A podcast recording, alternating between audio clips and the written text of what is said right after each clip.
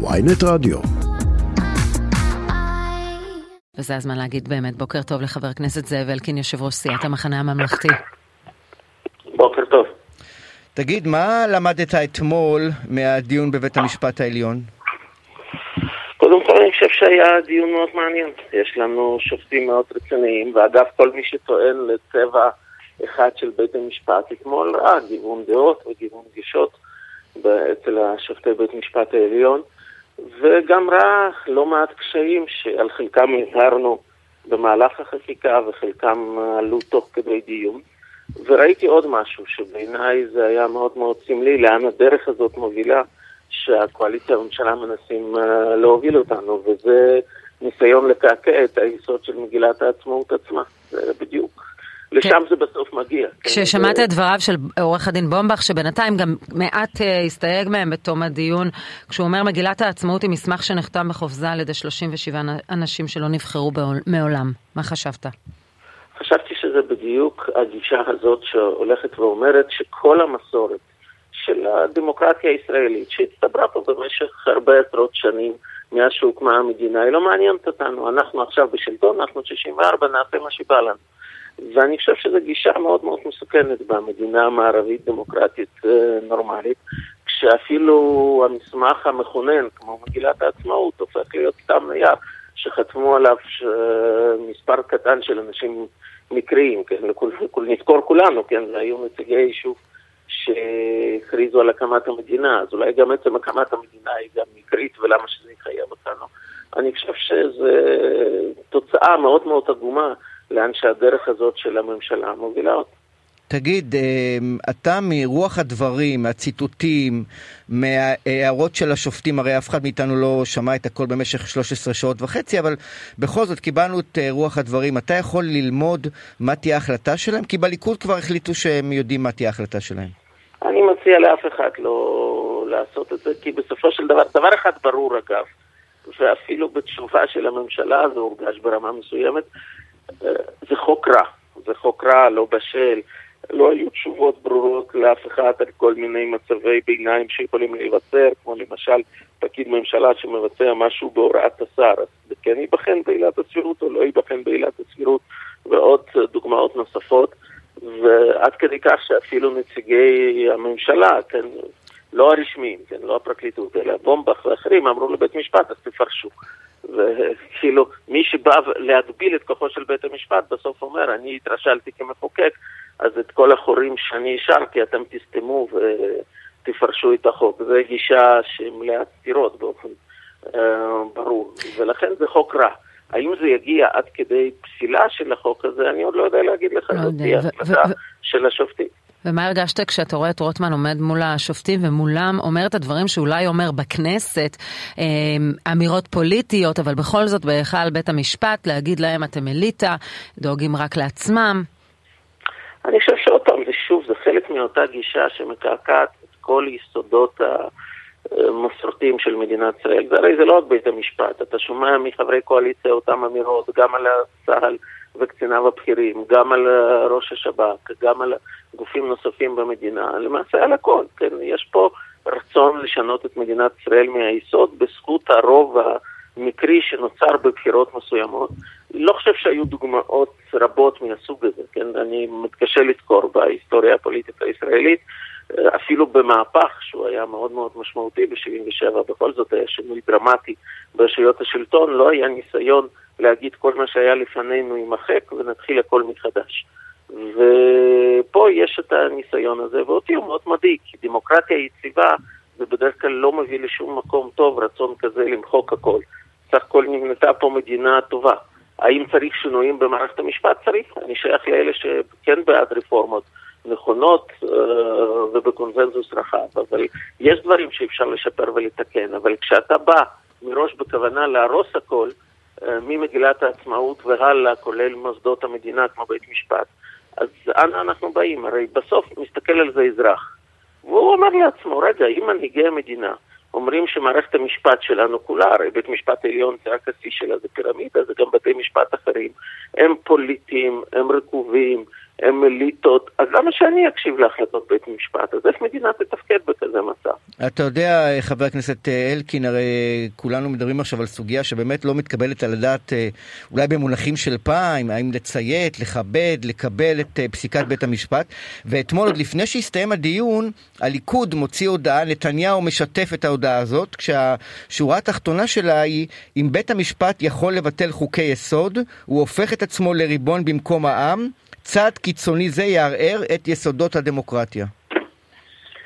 אני חושב שזה המשך אותה מגמה מאוד מאוד מסוכנת, שהיא חוטאת לשני דברים מאוד מאוד בסיסיים, וראינו את זה גם בנאום של אמיר אוחנה, והוא חזר גם על הדברים אתמול, וראינו את זה גם ברמזים עבים שפיזר ראש ממשלה, וגם דברים שנאמרו על ידי שרים בכירים בצורה ברורה, אפילו בלי רמזים.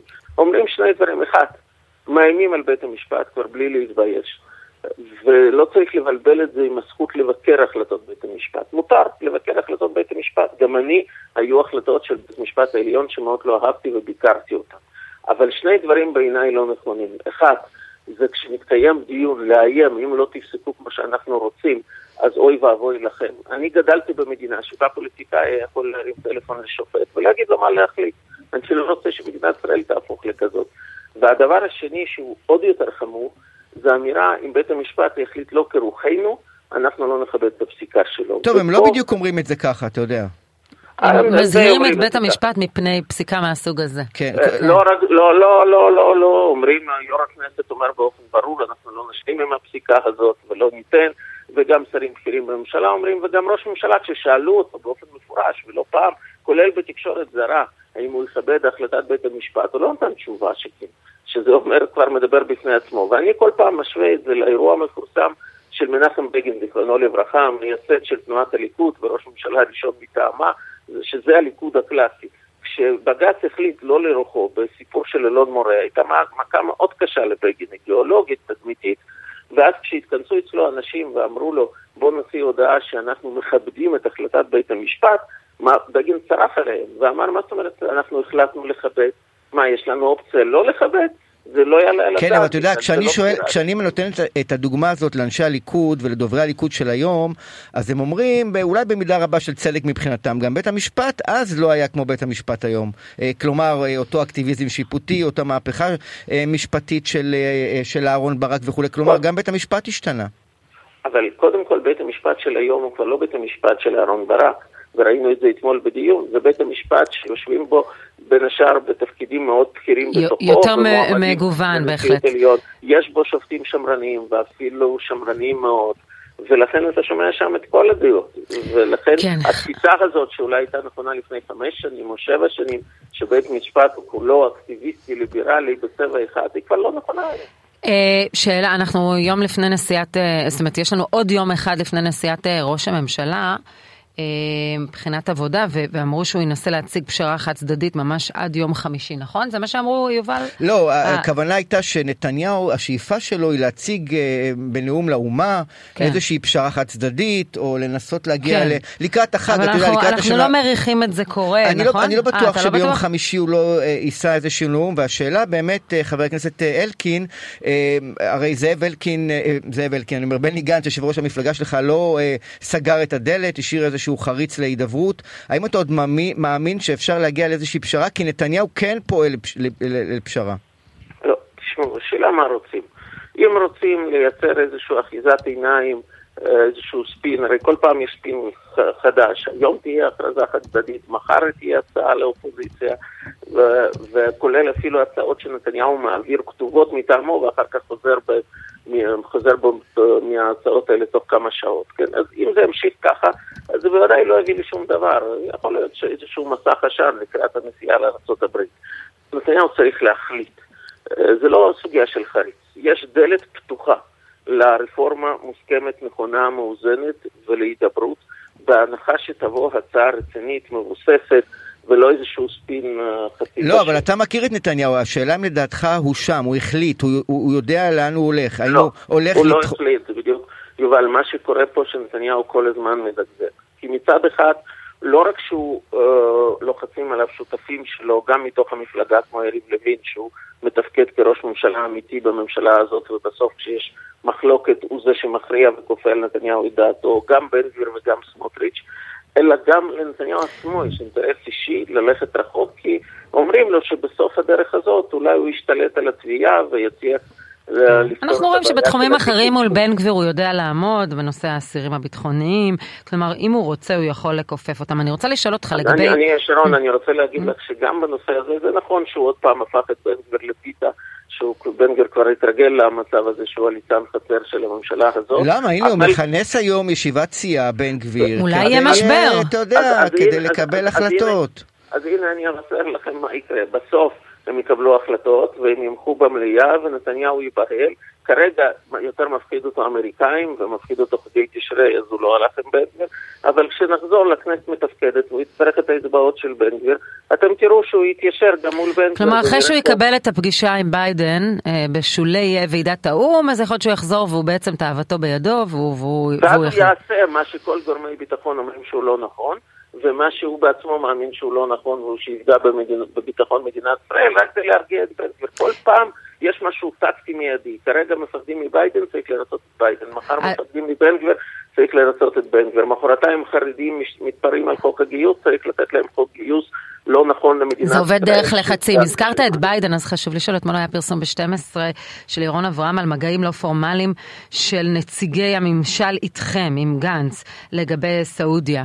מה אתה יכול לספר לנו? אני כמובן לא אדבר על הפגישות שמי שהתגשו בה. בחרו לא לשתף את התקשורת בתוכן הפגישות, אבל זה לא חדש. אתה מודע להן, לפגישות האלה? גורמים אמריקאים מדברים עם בכירים ישראלים, גם בקואליציה וגם באופוזיציה, תמיד באופן קבוע, זה לא, זה לא משהו חדש. כמו שאגב, מדינת ישראל, גורמים רשמיים ישראלים, מדברים עם שתי המפלגות בארצות הברית, גם כשיש ממשל דמוקרטי, מדברים גם עם מפלגה רפובליקנית ותחיריה, זה מאוד מאוד מקובל בין שתי המדינות, כי בסופו של דבר מדובר פה על שותפה אסטרטגית שלנו, וטוב שיש קשרים לאורך והרוחב. הנקודה היא אחרת, שימו לב באיזו בעיה רצינית נמצא נתניהו מול הממשל האמריקאי. אפילו דבר שפעם היה ברור מאליו לראש הממשלה הישראלי, פגישה בבית הלבן הוא לא מצליח לקבל, כן? בסוף, הרי תסתכלו, ביידן עושה לנתניהו מה שנתניהו עושה לזלנסקי. נתניהו מפחד לנסוע לקייב, לא רוצה לפגוש את זלנסקי שם. אגב, הוא מנהיג מערבי היחידי חוץ מאורבן, שעדיין לא הגיע לקייב, כי הוא מפחד מהרוסים ומפוטין, ואז הוא פוגש אותו ככה בגניבה בעצרת האו"ם. וביידן עושה לנתניהו אותו דבר, הוא לא רוצה לקבל את נתניהו בבית הלבן, לפחות בשלב הזה. אז הוא פוגש אותו בעצרת האו"ם. יכול להיות שהוא דואג שהקדוש ברוך הוא לא יגן עליו, כמו שהוא אומר לחסידים מאומן. זה, אני לא אכנס כרגע אפילו לתוכן של האמירה הזאת, ושלא יותר מזה לתוכן של האמירה של חבר הכנסת אייקלר שהייתה מזעזעת, כן, מבחינת, אחר כך עוד מדברים על ממשלה ציונית, ימנית, זה טקסט מזעזע, מה שאייקלר הוציא. אז הנה, תוכלו עכשיו להגיד שהממשלה נשענת על אה, קולות אנטי ציוניים. כפי שהם טענו כלפיכם. עכשיו יש לכם את ההוכחה. אני רוצה להגיד לך שבממשלה הקודמת מנסור עבאס לא היה מעז להוציא כזה טקסט אנטי ציוני כמו שאייקלר הוציא בממשלה הזאת, וכולם בסדר. עד כדי כך? ברור, אתה זוכר ממנסור עבאס אמירה כזאת כנגד האמת שלא. בכל השנה שהוא היה בממשלה? אני לא. לא, ובחנו כל מילה שלו. כן. אבל הנקודה... של כל תת מזכיר סניף של אה, רע"מ באיזה כן. יישוב ב... לא יודע איפה. עכשיו, ופה מדובר על חבר בכיר בקואליציה, יו"ר ועדה גדולה וכולי, אבל אני רוצה דווקא להזכיר בהקשר הזה עצם המעשה, הרי תסתכלו, זה שוב אותה התנהלות, מה נתניהו עושה? הוא מאמין שזה לא נכון לנסוע לאומן, שזה סיכון גדול והוא מפחד שיש שם אסון. אבל ביד שנייה, בגלל הלחץ של פורוש, הוא שם כסף ממשלתי, כאילו כבר פתרנו את כל הבעיות בתוך מדינת ישראל, כדי לעזור לממן את הנסיעה הזאת בהחלטת ממשלה. הרי זה הזיה. איך אתה יכול לפנות לאזרחים של המדינה שלך להגיד אל תיסעו, וביד שנייה כממשלה לעודד את הנסיעה שלו? וזה בדיוק נתניהו כן. קלאסי בממשלה הזאת. הוא מפחד מהשותפים שלו, ועושה דברים שהוא מבין שהם לא נכונים, והוא מאמין שהם לא נכונים ושהם רעים למדינת ישראל ולאזרחיה. חבר הכנסת זאב אלקין, יושב ראש סיעת המחנה הממלכתי, תודה רבה לך. תודה רבה לכם ויום טוב.